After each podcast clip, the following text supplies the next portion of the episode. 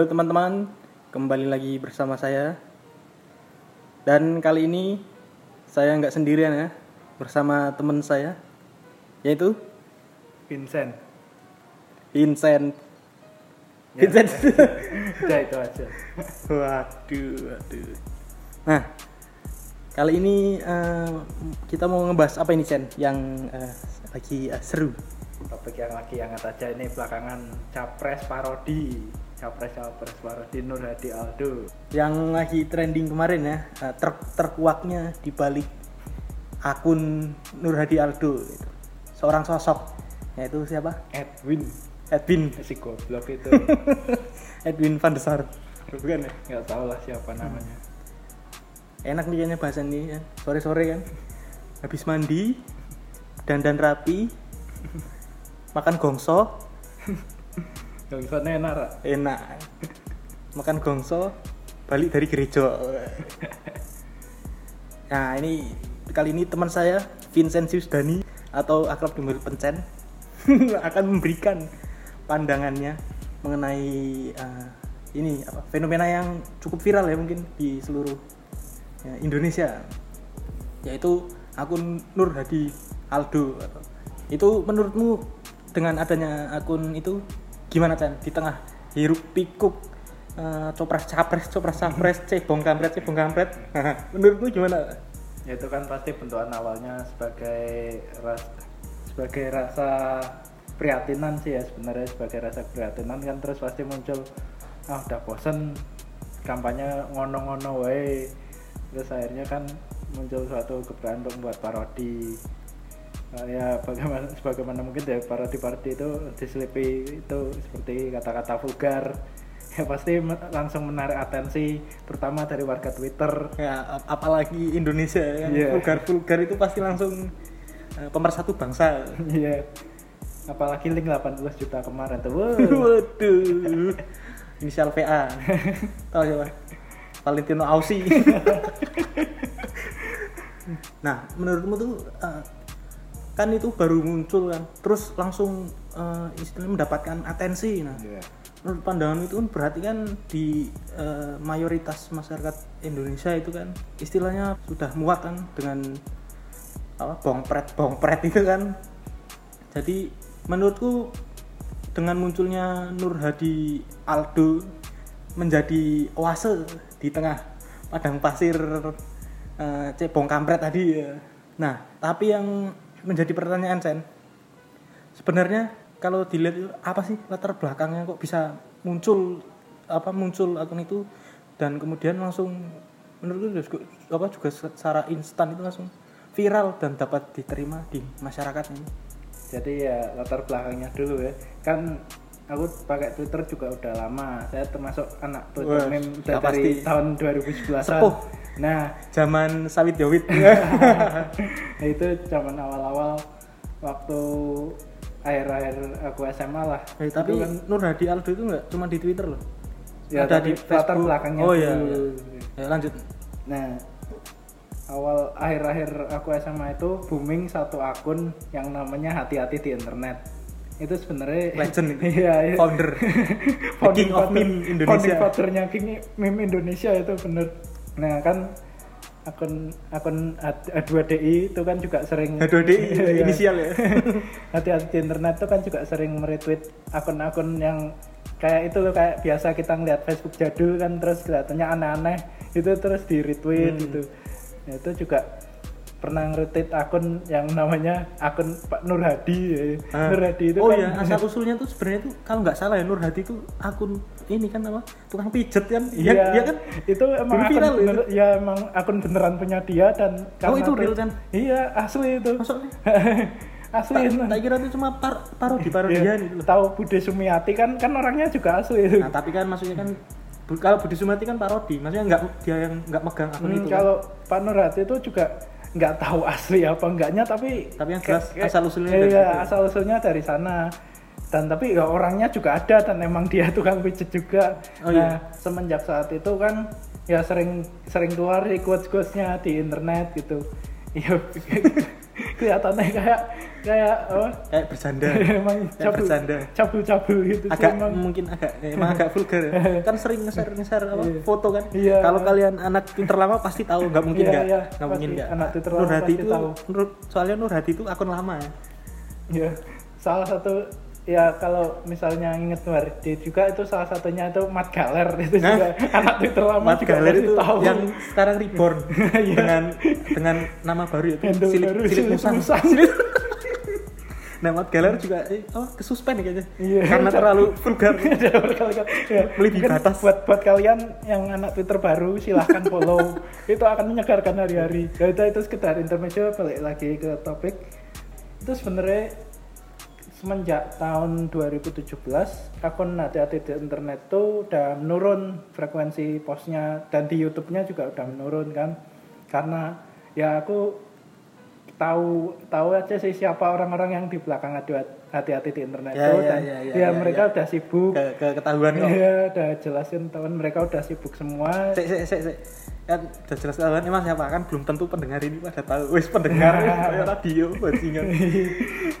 Ya memang podcast kan radio tapi di apa digital. Ya tau lah pasti rombongannya itu Bang Rael dan Mardial itu CLL, ya CLL. emang nggak pernah secara eksplisit Tapi bilangin tapi kan kelihatannya gitu tapi aja. kalau sebenarnya jeli itu kan apa hati-hati di internet kan sering apa satu semester itu tau gak? Iya. Nah YouTube-nya kan sering ngeluarin video yang apa semester satu itu kumpulan iya. kompilasi. Nah itu kalau kalian jeli itu lihat videonya siapa? Itu Bang Rael terus kalian lihat videonya apa kompilasi semester editannya lihat mirip banget. audionya juga Kalau eh, kalau kalian jeli juga punya Mardial kan ciri, mirip-mirip. ciri ciri khasnya itu ya ada yang apa getting right Iya. tiba-tiba Nah, itu frekuensinya hati-hati di internet menurun, otomatis eh, atensinya terhadap Pak Nur Hadi ini juga menurun, tapi tetap masih ada selingan-selingan selingan retweet banyak gitu tiap tiap quotes, tapi juga atensinya nggak sebanyak itu. Nah, mulai akhir 2018 kan meme politik udah keluar semua itu mendekati pilpres ini. Eh, sebenarnya mundur lagi ding kan ini kan ya udah itu kan Pak Nuradi udah menurun kan frekuensinya beralih ke dunia politik yang asli di saat itu pertama kali saya ngerasa anak-anak internet Indonesia benar-benar keluar yang kelihatan bosen dengan politik Kelihatan itu adalah jenuh ya? saat menurut saya ini in just my opinion yes yes di yes saat di mana Pak Jokowi men- menunjuk Pak Ma'ruf Amin. Nah itu saat di mana internet Indonesia kelihatannya yang anak-anak mudanya Nah, unjuk- makin unjuk bosen, ya, terlihat bosen dengan politik. Kenapa? Karena latar belakangnya beliau ini Pak Ma'ruf Amin ini ada sempat ada clash dengan Ahok. Ah. Nah, karena ah, pendukungnya Pak Ahok itu kan juga kebanyakan liberal juga. Itu saya kan juga saya ngefollow banyak pihak sih sebenarnya pihak yang kanan maupun yang kiri. Saya udah kelihatan juga trennya ya. Balik lagi kan trennya Pak Jokowi ini kan yang juga ngisi timeline saya banyak. Itu tuh banyak yang kecewa dan dengan demikian memutuskan kayak ngerasa mau dukung mana aja itu juga ternyata percuma yang yang diharapkan juga sama-sama liberal ternyata wah seperti itu. Hanya opini saya aja sih itu. Tapi menurutku ya aku nambahin boleh nih ya. Iya. kalau menurut pandanganku ya Iya. kenapa akhirnya uh, jadi bahas politik ya? Ya emang kan politik nggak apa-apa Ya, emang politik tapi ini soalnya. eh, kenapa Pak Jokowi memilih Kiai Haji Ma'ruf itu? Karena latar belakang sebenarnya tahu nggak apa Hmm, tapi ini kenapa? ini sedikit sensitif ya. Iya. ya karena dia kena isu ini isu apa isu agama yang kemarin Hmm, itu loh iya. tahu kan Iya. nah jadi se- se- seakan-akan eh, Pak Jokowi seakan-akan ini menurut menurut pendapatku seakan-akan Pak Jokowi dengan memilih ya, Kiai Ma'ruf ini untuk seakan-akan loh se- Hmm. dalam tanda kutip untuk tameng menanggulangi isu isu tadi di pilpres kali ini kan yang pilpres kemarin kan wah kita tahu sendiri kan Iya, iya. kayak apa Eh. nah mungkin aku juga pernah baca di portal berita mana itu ya ada pendapat yang menyatakan seperti itu mungkin mungkin mungkin itu tapi kan nggak tahu Iya. nah, allegedly. nah, oke. Nah, pada saat itu juga di awal tahun ini muncul meme itu Nur Hadi Aldo entah dari mana tapi pertama saya lihat sih emang di Instagram kalau pertama saya lihat Oh kalau nek kowe pertama lihat Iya. lewat IG. iki Nah, aku suka Twitter. Nah, setelah itu beda-beda ya. kan, ya. Setelah itu juga di Twitter muncul kan. Kemudian terus ada akun akun handle-nya itu Nur Hadi Aldo terus teman-teman saya juga bikin foto parodi calegnya jadi caleg dari partai mereka. Itu dengan hashtagnya tronjol-tronjol mah asik. Smack Queen ya Queen. ya semakin yakin. Smack Queen ya Queen. hashtag itu kan juga Smack Queen ya Queen. buat parodi sebenarnya hashtag semakin yakin itu juga parodi semacam mocking buat salah satu calon. Tuh iya akhirnya terus akhirnya dipakaikan ke Nur Hadi Aldo ya udah sih itu akhirnya akunnya muncul. Terus saking bekennya tiba-tiba akun itu mendapat eh bukan tiba-tiba sih tapi Sa- eh, Saking meledak-ledaknya iya, fenomena itu. sampai akhirnya disorot oleh media televisi kan Nah, muncul ini. di berita pertama sih untuk It di. You hanya, up. hanya dilihat dulu kan orangnya Ini itu ternyata mula siapa kehancuran. sih biasa kayak kayak on the spot gitulah kayak film on the spot itu cuma ternyata usul latar belakangnya ini loh kayak judul clickbait terus akhirnya ternyata muncul akhirnya di, di acara Rossi kan ya itu Nah, Rossi. Tapi Hmm. se- sebelumnya juga sebelum Rossi itu Rossi itu Kompas ya. Iya, iya. Nah, di Iya. Kompas juga itu langsung mendatangi kediaman Bapak yang terhormat Nur Hadi yang di kalau nggak salah di mana di Kudus. Nah, itu itu pertama kali maksudnya pertama kali secara formal kan Iya, media iya. ke tempat Pak Nur itu wah ternyata aku kagum loh Chen. ternyata kata-katanya wah sangat bijak sekali ya. Kalau mungkin kalian juga apa udah lihat. Kalau belum lihat, lihat saya searching pas Bapak Nur Hadi apa diwawancari Kompas. Wah itu jawabannya wah pantas jadi capres. tapi mungkin juga mungkin juga belum sempat dilihat oleh yang lebih luas lagi ya sebelumnya itu teman-temannya Bang Rael DKK itu juga ngewawancarai Easy. Pak Nur Hadi ya isi Ya. Mewawancarai lewat di channelnya ada itu Oh, wawancara Cen? dengan tukang pijat ya mungkin kan belum lihat kan Ah. ada sebenarnya Aku lu- lewat telepon aja sih tapi wawancaranya enggak Aku lu ngerti. langsung Itu tahun berapa itu yang eh Isi. 2017 mungkin ya wah berarti Mm. udah lama. Ya sebenarnya emang udah lama. Kan emang Pak Nur Hadi ini kan juga sudah lama sebenarnya tapi baru viral viral awal tahun ini Wah, aja. berarti i- ibarat eh, PDKT-nya sama isi DKK, tapi yang Iya. jadiannya sama Edwin. berarti sebenarnya itu isi DKK udah melakukan pendekatan, tapi malah yang jadi yang kalah start sama ini si Edwin ini. nah, itu tadi kan itu tadi latar belakangnya. Fenomenanya kan itu udah. Terus kemarin yang ada sempat trending juga kan pas diwawancarai di Rossi itu pendapat yang keluar dari belakang di sosok belakang layar akun Nur Hadi Aldo yaitu Edwin yang cukup ini ya istilahnya mencengangkan Iya. menggemparkan pendapatnya.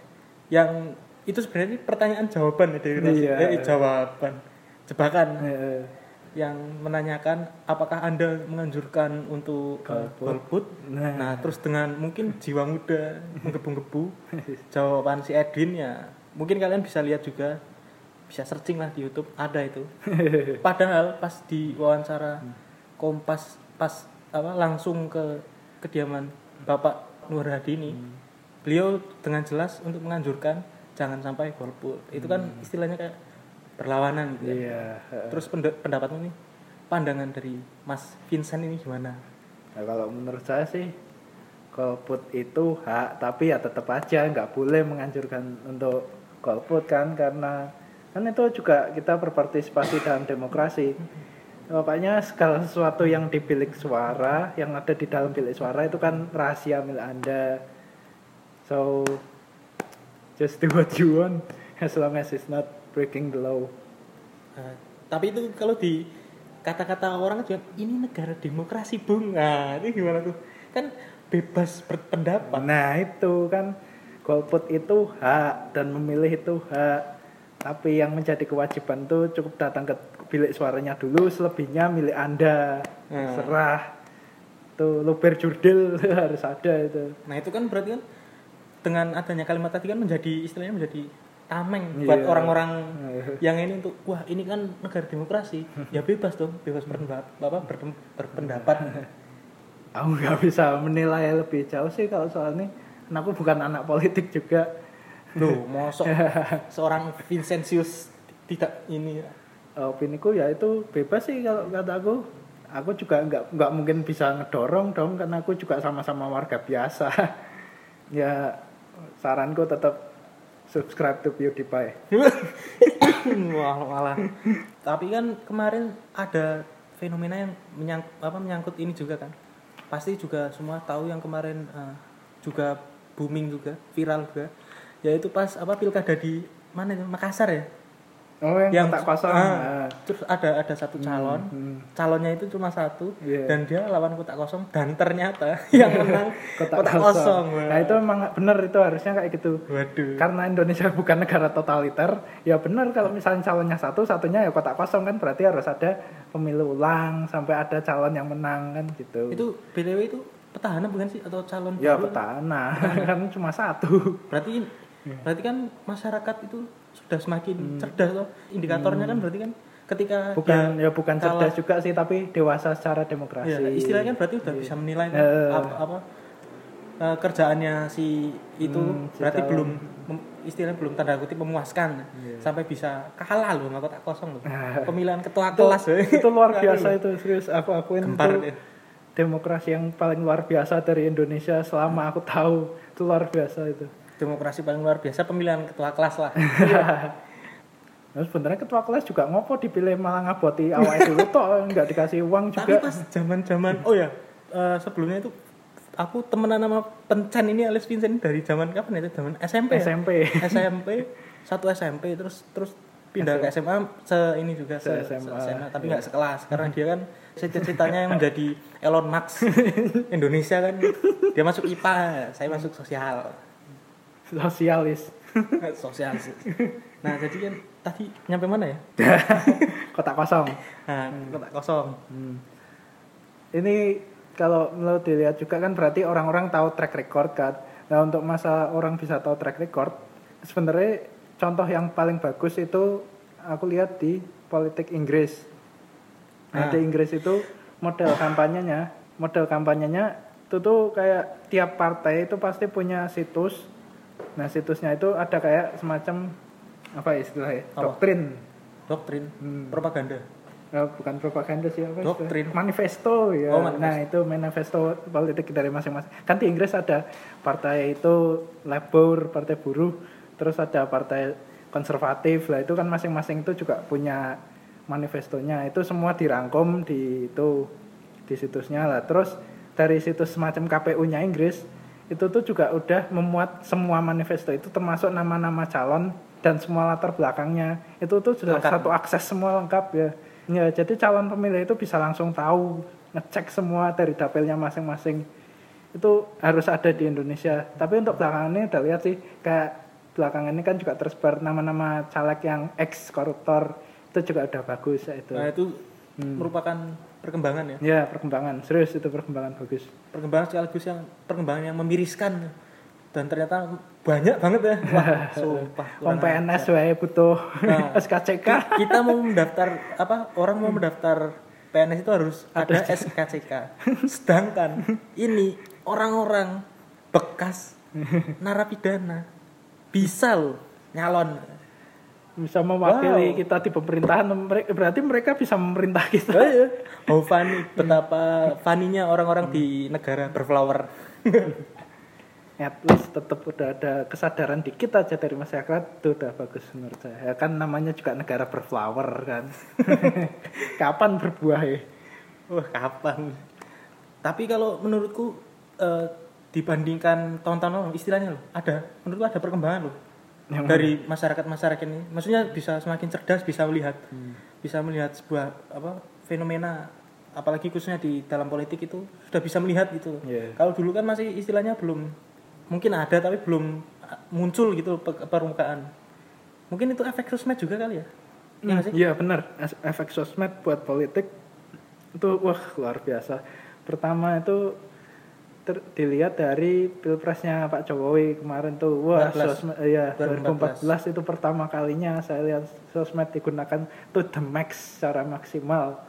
itu juga ya pertama kan oh masih iya eh, dalam kampanyenya itu serius itu keren, pertama keren. pertama paling lihat itu kenceng banget tapi sebelum itu kan pas apa, Jokowi nyalon apa wali kota gubernur Ya, DKI kan juga oh, gubernur, udah ya. itu yang bikin video kampanye-kampanye Ya. itu kan juga nyebarnya apa memaksimalkan ya kan fungsi eh, sosmed kan? ya selanjutnya kan juga dari pihak politik lain kan juga udah mulai pakai. Itu memang pertama yang paling besar itu tetap pilpres 2014 itu penggunaan sosmed pertama terbesar.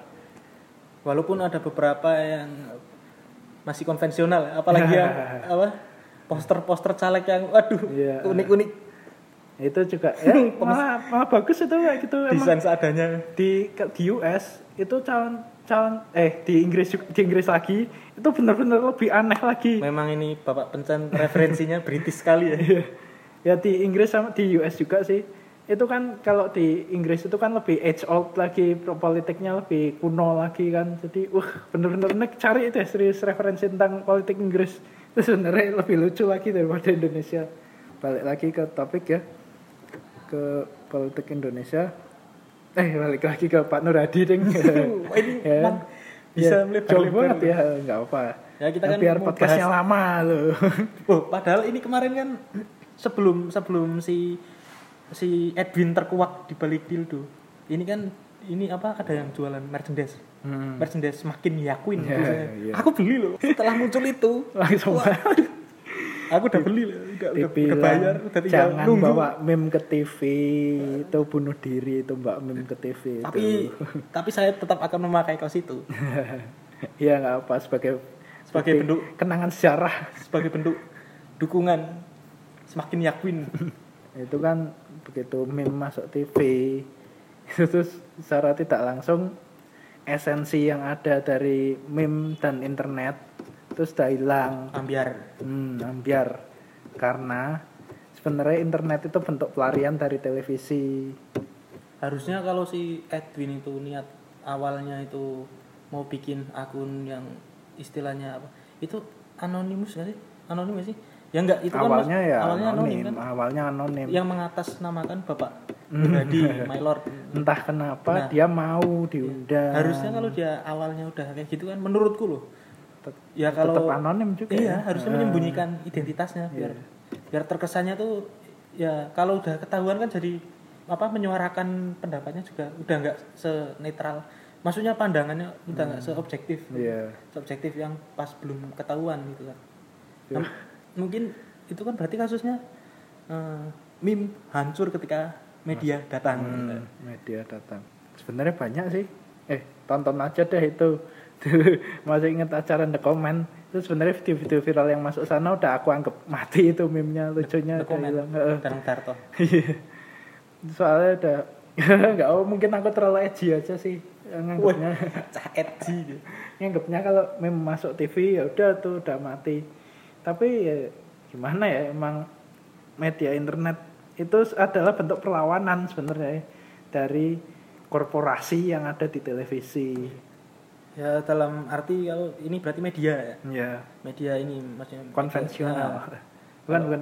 Mainstream media eh, Iya, istilahnya media kalau di politik Amerika itu mainstream media MSM kan media itu emang gimana ya tempat menyuarakan pendapat juga. Tapi kalau media seperti televisi radio itu kan yang megang korporasi. Jadi bukan satu orang yang di belakangnya tapi gimana ya secara satu orang. Ya korporasi. Iya. bukan satu orang maksudnya ada se- ada ada ininya lah ini apa? Sistem sistem Iya. sistematikanya. Hmm, apa namanya? Struktur ada ah. banyak media tapi yang megang tuh ternyata cuma satu. Itu kayak nggak ada variasi gitu loh. Satu suara semua. Itu juga bisa ngiring masyarakat. Yang TV kan tidak terbatas sebenarnya kalau sekarang itu bisa ngiring masyarakat dengan cepat nah bentuk perlawanannya itu adalah lewat internet yang benar-benar independen. Benar istilahnya dari dari dari dari kita Iya, untuk dari kita, kita oleh untuk kita, Itu internet itu sebenarnya adalah bentuk demokrasi terhadap media. Tuh. Nah tadi kan menyinggung apa korporasi sama ini istilahnya apa sama individu ya Iya. Nah, sa- saya jadi teringat ini Chan apa kasus yang mungkin agak booming ya Marah di itu. Wah, the Great War of the Internet. apa perang perang Perang internet perang terbesar. internet terbesar dalam eh, apa abad 20 Ada Nah, ini apa? PewDiePie versus PewDiePie. Iya bener. PewDiePie versus T-Series. Itu kan PewDiePie itu kan seorang istilahnya seorang personal apa, Iya. kreator Personality. dan T- T-Series itu eh, apa? korporasi kan. Hmm, korporasi punya pabrik gede. Nah, itu- gede. Ah, gini kan apa? Awal awal mula awal mula eh, pertikaian itu gimana sih? Pertikaian antara PewDiePie dengan T-Series ini? Sebenarnya sih kan T-Series itu kan emang udah secara udah booming lah di India itu emang subscribernya udah banyak. Oh gini Chan, ini dari awal dulu. Ah, background, background, background, background T-Series Ya, kan ya. yang tahu-tahu muncul Background konfliknya Ah, dulu kan ya. yang tahu-tahu muncul dengan Hmm. berjuta-juta subscriber gitu.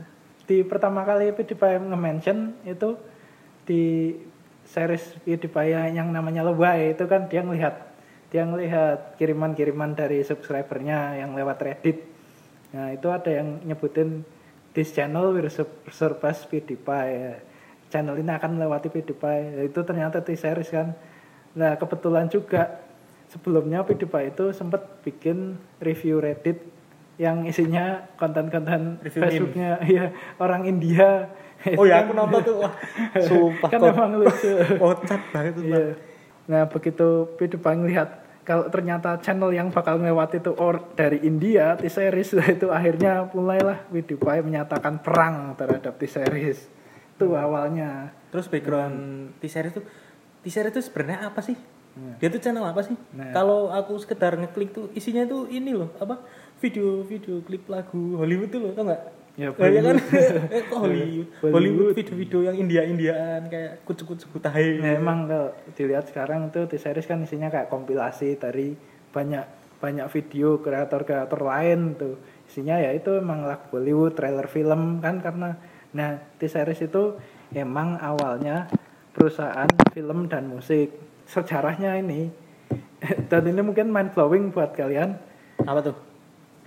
pendirinya T-Series itu Gushan Kumar adalah seorang penjual jus buah. Dia kan Gu- Gushon, Gushan Gushan, Gushan Kumar. Gushan Kumar. Aca, that's racist. Aca, aca, aca. How are you today? Lanjut, lanjut, lanjut.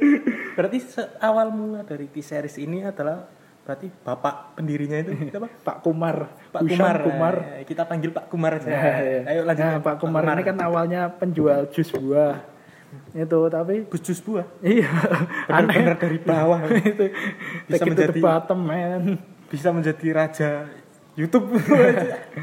nah itu kan dia juga punya itu dia orangnya kan emang religius juga kan Pak Kumar. Ini seorang Hindu yang religius. Nah, dia itu melihat eh, kayak pandita-pandita Hindu di sana itu yang orang-orang tua kan udah kayak nggak bisa baca mantra-mantra lagi nggak bisa baca doa-doanya lagi karena tulisannya pandangannya kan udah jelek orang tua.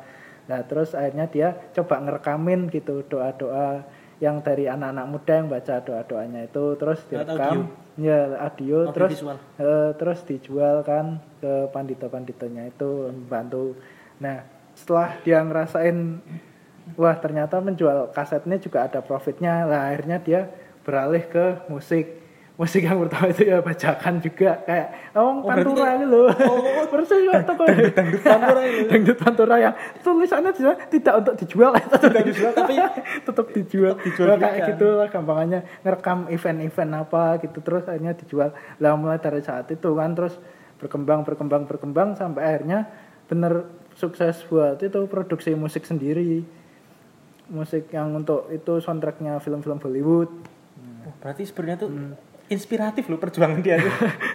Entah Ya kan? kenapa Tapi tiba-tiba dia jadi inspiratif. Tapi ininya negatif ya. Se- Seakan-akan berarti dia dia itu mer- mereka mereka masuk YouTube mulai tahun 2011 Nah, mereka masuk YouTube ya yang di upload itu emang ya itu lagu-lagu Bollywood terus kan eh, awal-awal tahun 2010 ke atas itu India mengalami hal yang sama dengan Indonesia saat ini booming internet. Nah, populasi internet di In- India melonjak drastis. Kan udah tahu sendiri juga kalau orang-orang India itu banyak yang high tech Eh, emang, Orang-orang, iya, emang suka teknologi. iya, keren ya. keren sumpah. tapi punya WC 2 nggak punya toilet. Eh punya HP 2 nggak punya toilet. Punya WC punya toilet. Eh, Opo. punya HP 2 nggak punya toilet. Tapi itu emang bener ya emang rata-rata rata-rata dari negara India itu melahirkan seorang yang istilahnya tahu teknologi. Ah, ah, ya kan? pasti ada ya. Ngeri ngeri ngeri loh itu. Banyak kok yang contohnya yang coba channel IT IT coba lihat aja tonton channel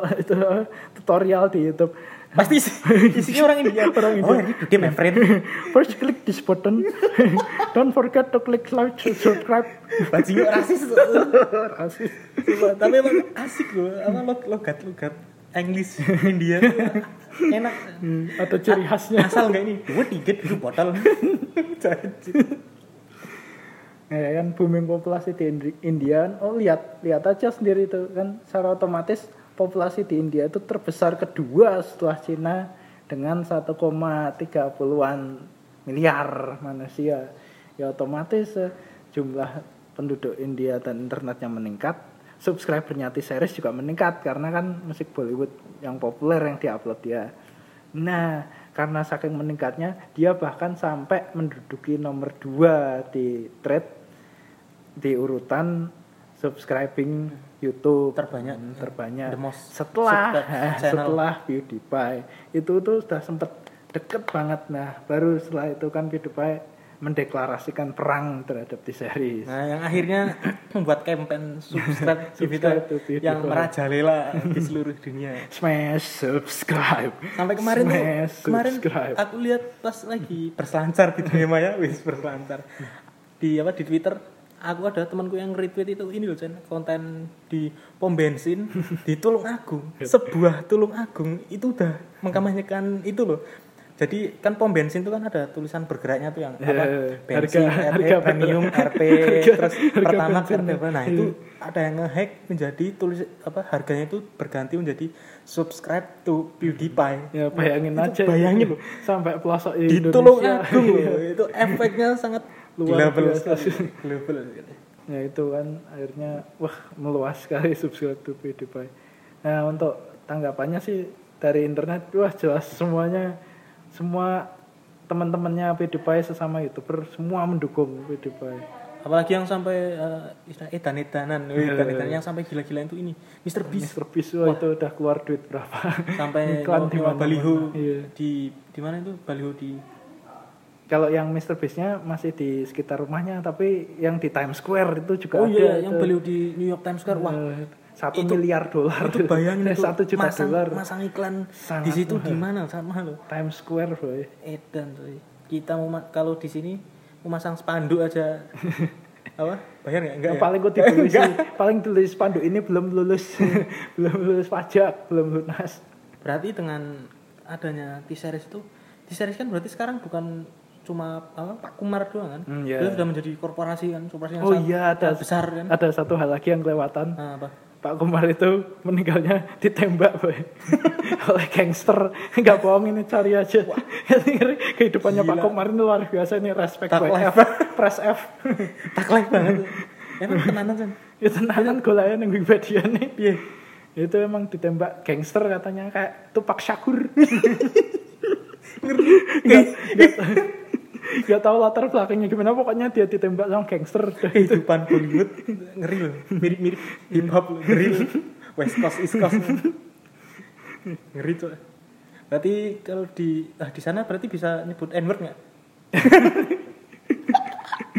Ya, lihat dulu kamu hitam gak kalau hitam boleh bilang kan. Malah keterlaluan rasisme. India kan ireng-ireng tuh iteng-iteng ya kui rasis maaf maaf bukan rasis bukan N word kalau India A word aca. Nggak tahu ini boleh rilis apa enggak yang jelas kalau ini masuk itu harus langsung demonetize. Nah itu kan berarti kan tadi ini kan berarti kan ini di sini tuh garis besarnya tuh istilahnya YouTube itu kan apa namanya media sharing ya. Iya. Yang dulunya awal mulanya itu diciptakan untuk eh, apa sharing untuk seorang konten kreator yang istilahnya di situ yourself. di situ tuh berarti istilahnya eh, personal ya. Iya. ke se- apa seorangan seorang kreator gitu. Kreator berarti kan secara personal. Nah munculnya T-series ini kan berarti kan dia kan uh, korporasi besar kan. Iya. nah itu kok dia bisa sampai sus apa subscriber berjuta-juta itu menurut menurutmu asli nggak sih? Sebagian A- besar ya. maksudnya organik sih? Hmm, sebagian besar tetap organik. tapi kok yang paling aneh itu ya muncul-muncul tahu-tahu 70 juta ayo. Masa organik sih? Ya kalau itu aku kalau tiba-tiba munculnya aku tetap menganggap organik. Tapi kan ya pasti ada namanya subbot itu pasti ada kan. Kan ya di antara di tengah-tengah persaingan ini kan juga ada yang live stream live stream. Oh iya Hmm, apa perhitungan, perhitungan counting. Counting subscribernya. Subscribe counting. eh, kan tuh live live countingnya kan dihitung terus. Nah ketika sempat YouTube itu down selama beberapa jam subscribernya dia itu tetap nambah meskipun yang lain tuh Nah, gerak ini. nah itu kan. Ini. Rami Malik. Apa? Mister Robotnya India. Aca terus kan ada satu satu hal aneh lagi. Di Desember 2018 YouTube itu memperlakukan policy menga- menghapus subscriber subscriber bot. Nah, PewDiePie ya dengan banyak dengan subscriber yang sangat banyak itu juga kehilangan 40.000 ribu. Alah. Sedangkan T-Series di antara itu kecil lah ya sedangkan T-Series kehilangan 200.000 ribu. Nah, sekarang lihat sendiri yang mana yang banyak sobatnya. dua ratus ribu Hmm. berarti kan kemarin tuh kalau sekarang berapa sih 80 ya Oh, sekarang udah itu 80 juta ya? itu dari Desember kok sekarang pasti udah beda banget. enggak ini sekarang berapa 80 juta PewDiePie 8 80 500. T-Series? T-Series masih 79. Nah itu berarti Selisihnya sekitar sejutaan. enggak misal kita anggap berarti 70 lah 70 juta subscriber di series hanya 200 yang bot Iya, 200 ribu. itu kan juga itu yang orang semua itu itu kan juga masih yang kedetek. Belum yang lain mungkin ada. mungkin juga ini satu orang itu bisa bikin 10 akun ya. 100 akun Kalau itu juga subscribernya PewDiePie juga banyak yang nyaranin Iya sih gitu sih. old army Ya itu kan akhirnya sampai PewDiePie sendiri buka suara kan. Ya sebenarnya saya itu tidak peduli dengan pertarungan ini. hmm tidak peduli Ya sebenarnya oh yakin hanya untuk for fun. for fun tapi effortnya tuh kelihatan Iya. banget beneran. Ya tapi emang seru aja sih gitu ngelihatnya. Semua terlibat. PewDiePie kan setelah bilang itu juga akhirnya juga menyayangkan adanya beberapa fans-fansnya dia yang emang akhirnya beneran rasis Yang ke garis orang keras ya? ya, yang beneran rasis ke Die-hardnya in- orang-orang India. Padahal kan ya niatnya PewDiePie kan bukan seperti itu. buat fun fun Bener-bener buat fun. menyemarakan peryutupan dunia secara tidak langsung kan akhirnya PewDiePie juga merasa terimbas kan wah niatku bukan seperti ini tapi kenapa kalian komentar-komentarnya benar-benar rasis dan negatif terhadap orang-orang India nah dari keprihatinan itu sampai PewDiePie akhirnya membuat video untuk charity oh yang saya untuk anak anak itu anak-anak Ya, India itu hmm, charity for Indian child ya tapi kalau dilihat-lihat ya uh, PewDiePie itu kan orang Swedish ya? Iya. Swedia kan Swedia itu populasinya berapa sih T-series itu dari India loh India itu negara dengan populasi terbanyak ke kedua Dua. Iya. ya? Iya. tapi kan kalau PewDiePie udah istilahnya udah global. Nah, global kan udah semua tahu. Nah T-series ini kan mungkin kalian juga belum ada yang tahu ya tapi pasti udah tahu. Maksudnya kan intinya kan seorang PewDiePie dengan subscriber dunia seluruh dunia melawan satu negara. Itu bisa. Bisa diibaratkan tuh negara lawan orang satu orang dengan influence yang begitu besar.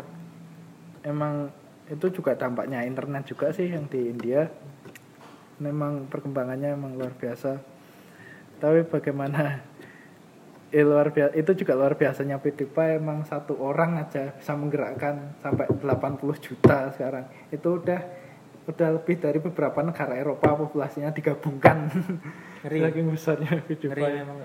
Nah, itu kan tadi yang di dunia. Terus sebenarnya di Indonesia juga ini tuh lagi musim-musimnya itu loh. Apa? Mengalami hal yang sama. Iya, ya nggak sih? mengalami hal Bener nggak yang sih? sama. Sekarang kan apa? Sosmed sosmed Indonesia juga sudah makin apa? naik Naik ya, perkembangan. udah perkembangan Apalagi di YouTube-nya juga kan. Ya, dan di saat yang sama peningkatan sosmed itu langsung dirasakan oleh media mainstream sebagai saingan, nah, Hmm. persaingan. Yang kelihatan kan persaingan dan bagaimana caranya juga media media mainstream dengan kekuatan iklannya berusaha menggerus untuk sosmed dengan menyisipkan konten-kontennya. Ya. Dan sekarang juga media Hmm. mainstream kan juga ini apa punya punya channel juga di Iya, YouTube. nah itu akhirnya TV-TV itu kan sekarang apalagi banyak semua banyak punya, yang iya. apa TV sekarang juga bisa ditonton dari media tersebut itu kan Iya. ironi kan sebenarnya. ironis karena media media juga ikut bersaing akhirnya ya keruh juga akhirnya sosmed di Indonesia ini yang tadinya internet sebagai bentuk persaingan bentuk perlawanan sekarang juga sebagai full swing kapitalisme masuk ke sosial media. Semua iklan semua apa ya istilahnya hal yang di TV itu kan ada produk dimasukin ke acara TV-nya itu sekarang sosial media akhirnya juga seperti itu. Yang tadinya konten kreator benar-benar ingin mengekspresikan Benar-benar ingin sharing ya sharing uh, videonya, kontennya jadi kontennya. mau tidak mau mereka juga harus mensipkan produk dan karena dia mengiklankan produk itu dia juga harus ngikut mengikuti kemauan. kemauan, Nah, dari itu kan ini. Di- independennya udah hilang dari sana dan buruknya lagi YouTube juga tidak memfasilitasi bagaimana bagaimana kreator independen itu untuk berkembang kan dihitungnya juga dari itu kan counter subscribing eh counternya upload per hari itu kan juga faktor kan nggak mungkin kalau kreator Iya, seorang personal individu, nggak seorang mungkin individu kan bisa bikin lebih. video tuh susah loh. iya Bikin konsep, terus Hmm, eksekusi, iya. habis itu editing. Itu kalau dilakukan individu maksudnya secara sendiri walaupun sekarang kan banyak itu juga Iya. kan tim-tim itu kan. iya Maksudnya seorang yang punya tim di belakangnya itu. Tapi tetap nggak bisa itu. ngelawan yang bisa TV-TV yang sekarang setiap hari tuh bahkan lebih dari satu kok Hmm, iya banyaknya. udah hilang esensinya itu Sudah hilang esensi dari eh, media sharing itu kan Hmm. yang awalnya untuk berbagi konten. Nah, seperti kemarin tuh ada yang apa apa istilahnya? Ada puncak gunung esnya juga yang kemarin sempat viral. Kalau kalian tahu ini VNGNC, VNGNC itu sudah mungkin sudah banyak yang tahu ya itu dulu kan masih anonim kan Iya. Nah, sekarang udah dulu banyak yang tahu. anonim, ya.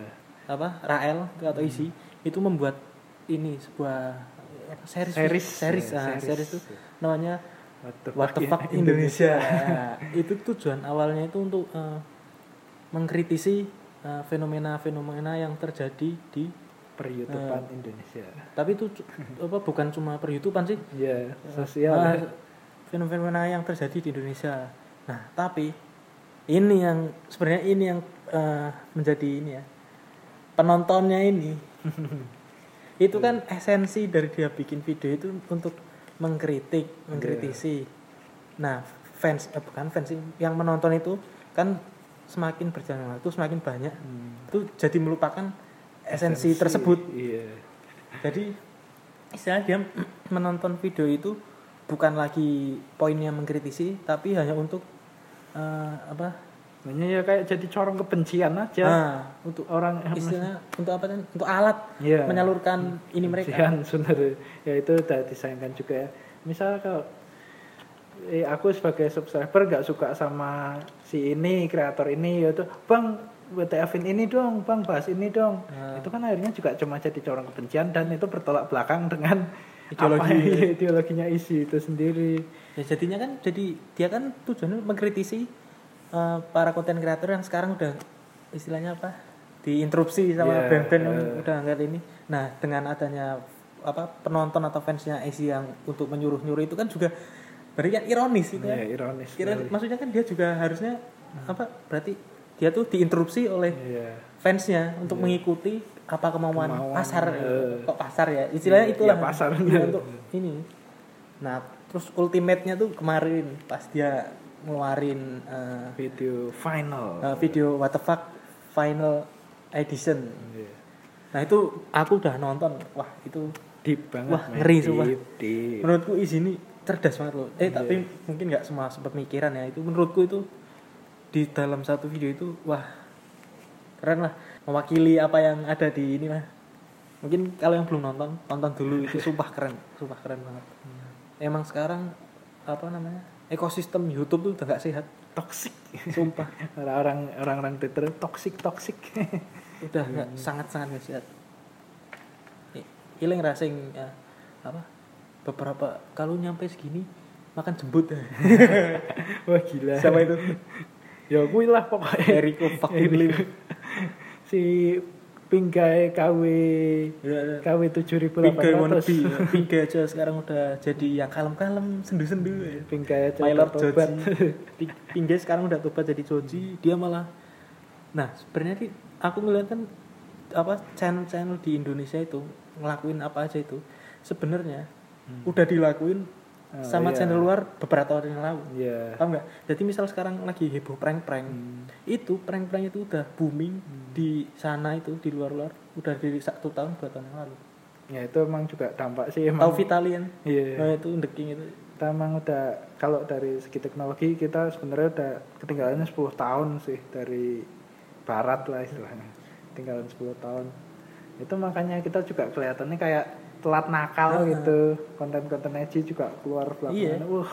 makanya nih kalian nih kalau nonton tuh jangan ini Indonesia aja Ya iya bener. Per- perbanyak referensi sumpah ini bukan Iya. bukan sok-sokan ya tapi memang perbanyak referensi jadi kalian tuh nonton ini ini terus akan-akan tuh eh, istilah istilah orang Jawa itu gumunan? Eh, A- misal ada seorang ini ngeluarin ini gumun wah kok ini keren sebenarnya itu tuh udah dilakuin di sana udah dua tahun yang lalu kan di Bang Rael kan juga nyebut dalam videonya itu kalau misalnya kalian mau niru itu nggak apa-apa. Ya contohnya kan yang positif positif kan juga banyak. Itu yang paling suka itu antara kurus gesak dengan kok bisa. Kok bisa itu kan ya itu. eh, animasi pengetahuan informatif eh, informatif. dari channel yang kurus gesak yang juga itu wah emang luar biasa. Dikemas oleh kok bisa dengan referensi lokal dari Indonesia lokal wisdom. Lokal wisdom itu kan juga nggak apa-apa bagus.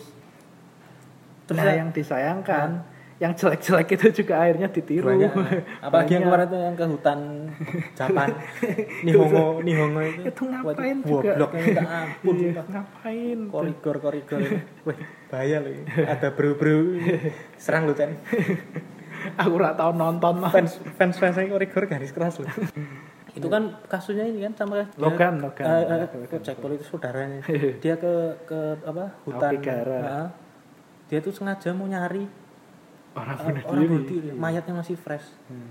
itu kan maksudnya secara etika itu maksudnya Jepang itu kan negara yang berbudaya Iya. Iya. maksudnya Jepang kan yang menghargai budaya adat kan.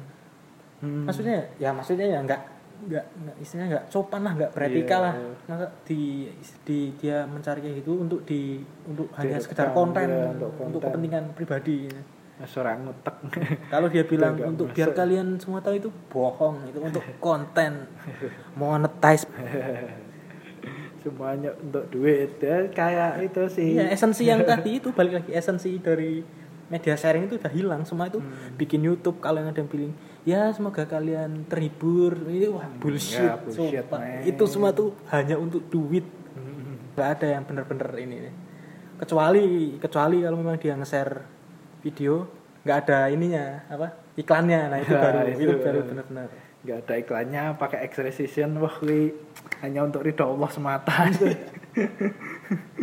tanpa ambil keuntungan itu luar biasa tapi ya nggak mungkin juga sih hidup hidup dengan seperti itu ya silahkan mau bikin konten edgy edgyan tapi ya tahu batasan lah gimana di internet di internet. Kalau keluar ya jangan goblok. Di dunia asli itu beda dengan internet. Dan kesempatan ini juga ya sebaiknya dipakai untuk mempromosikan konten-konten shit posting di Indonesia yang emang bagus yang luar biasa. Coba kalian cari YouTube Meme Rewind 2018 Indonesia. Nah, itu, itu kompilasi. best best best best kompilasi dari banyak akun-akun shitpost lokal eh, top top notch itu luar biasa. Saya sebagai meme connoisseur menganjurkan itu. Udah di ya contohnya kayak rekomen iya, udah di contohnya kayak channel kucing menangis akmj.mp4 itu luar biasa. Referensi buat orang-orang yang butuh asupan meme. dan ya kayak balik ke inget legend-legend meme Indonesia juga kayak itu Bang Rael terus Isi eh Bang Isi Rael, kan sama Rael, Cuk. Mardial maksudnya. Hansen Mardial Hansen. Mama kan Kesbor juga top-topnya meme Indonesia. Orang-orang di balik layar. Wah nggak kerasa udah panjang lebar ngobrolin dari mulai dildo tadi sampai merambat ke YouTube YouTube intinya hari ini eh, kita lumayan seru ya ngebahas fenomena apa berkembangnya sosmed pada apa di era sekarang di Indonesia ini. Jadi kalau menurutmu ini buat penutup Chan kasih ah, inilah eh, kasih Insight. eh, eh, ya Buat- buat penutup aja sih. Ya kita ini emang udah harus saatnya dewasa di internet. Tahu batasan tahu komedi yang bagus mana yang buruk mana. Kan intinya tuh internet tuh emang udah jadi tempat kita beropini. Ya beropini kan di- entah gimana ya kita masih di Indonesia kan opini kita juga mau bebas juga nggak mungkin bisa 100% bebas. Nggak mungkin. Iya, sadar diri aja lah di internet. Rulesnya jangan goblok, dah itu. karena ini kan oh ya jadi wah jadi nggak nutup nih. Kemarin tuh yang sempat bumi itu kan bercandaannya ini MLI ML, oh iya itu. eh, Wah, itu- sama. itu sebenarnya tuh wah gimana ya? Pokoknya itu. istilah dari Om Indro Warkop itu tertawalah sebelum Sebelum tertawa itu dilarang beneran terjadi. Dan itu pas M- kasus MLI kalian pasti tahu kan? Dan itu pas mereka tutup akun serius saya adalah orang yang paling pertama kecewa hari itu. Luar biasa sekali saudara kita ini. sumpah mungkin itu juga salah satu dampak dari ini lagi-lagi ya itu dampak dari politik serius. Iya. orang-orang jadi sensitif banget. Apalagi itu awal mula itu sebenarnya udah dari dulu ya sensitif apa sensitivitas kayak gitu. Tapi yang menjadi ini kan yang kemarin yang paling ini kan kasusnya Ahok itu kan. Iya. wah itu, itu sem- juga ya. semenjak awal- semenjak dari itu wah sumpah. Ya saya jadi udah nggak seru. Downgrade-nya politik Indonesia. Aku ngeliat sih emang dari sana itu. dan sedihnya tuh efeknya tuh luas banget tuh Hmm. efeknya itu dari itu kan politik mulai merambah-rambah Ya, ke mana-mana. sebenarnya harusnya kan itu lokal aja buat Jakarta. Tapi karena itu Jakarta juga ibu kota negara Jakarta, ya bos. secara tidak langsung se- senegara kena dampaknya. Master Race ya mas Res mau gimana juga mau kamu pendukung kiri atau kanan tetap aja karena mulailah mulai dari saat itulah kelihatan muka Indonesia yang sebenarnya mau dibawa ke mana itu juga terserah kita di tangan kita semua gitu. kalau di Europe Europe tuh dark apa dark Age-nya kan udah lewat Iya. kayaknya tuh sekarang Indonesia tuh masuk gitu dark ya sebenarnya nggak target target banget sih selama kita masih bisa makan itu Indonesia masih ada tenang tapi ya tapi di aspek itu kan Iya. tetap Kelihatan mempengaruhi dulu, kan, eh. sumpah Hmm. dulu tuh kalau bercanda misalnya bercanda apa ya pokoknya bercanda-bercanda yang menyangkut apa menyangkut agama menyangkut ini itu masih biasa Iya, masih bisa iya, ketawa masih biasa. sekarang cuma nggak kerudungan aja mohon maaf. Sekedar mengingatkan.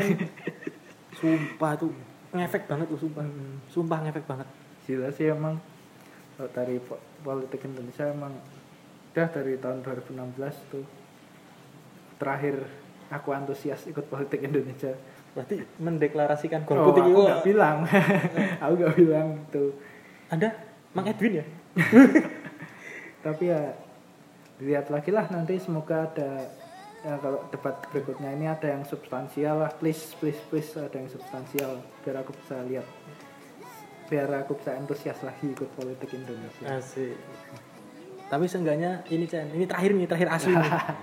Apa yang bisa kita perbuat untuk menjaga kestabilan itu biar nggak maksudnya untuk apa yang bisa kita dari individu dulu yang bisa kita perbuat untuk tidak membiarkan hal-hal kayak gitu tuh terus terjadi itu. Gimana ya? Kuncinya ada ikro membaca kita emang emang benar perluas referensi karena politik Indonesia itu kan juga sama cerminan dari politik global juga lihat tuh masing-masing semua politik global sistem kalian mana yang ikut yang ideologi mana yang kalian sebenarnya cerminan dari diri kalian sendiri juga lihat sukses apa enggak bagaimana caranya mengatasi suatu masalah kan itu juga bisa jadi pelajaran ya perluas saja referensi pengetahuan Berarti konkretnya tuh perluas referensi. Hmm, Konkretnya? referensi.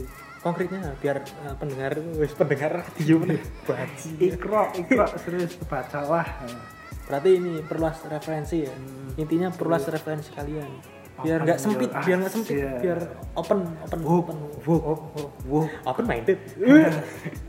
Racist man. Aja oke tutup tutup itu. Udah makin rasis udah, ya, ya sekian sekian ya obrolan kita kali ini. Mungkin bisa ini pendapat kita pribadi. Ambil yang positifnya buang yang negatif. Istilahnya eh, apa ini coba untuk hiburan. Seperti namanya yaitu rungon-rungon untuk rungon-rungon kalian. Oh iya iya cek cek twitter saya. Oh ya mungkin kalau follow. kalian kan udah dengar tuh pendapat-pendapat Chen asik ini orangnya. Nah, kalau mau follow di mana Chen at Vincent Homer V I N S E N H O M E R. Wah, dari namanya udah kelihatan kafir ya udah itu silahkan kalau mau follow kalau mau blog juga nggak apa-apa nah blognya boleh boleh itu blog ya ya Nah itu kalau yang eh, butuh bahan sit post, set boy, soft boy. eh. Nah itu mungkin nah cukup sekian, cukup sekian obrolan kali ini. Semoga bisa menjadi hiburan kalian Amin. karena tujuannya untuk hiburan, hiburan semata. Nah mungkin segitu aja dulu. Kami pamit. Selamat jumpa di lain kesempatan kesempatan dengan orang-orang yang seru lainnya. Ya, signing out. ciao Ciao. Acak.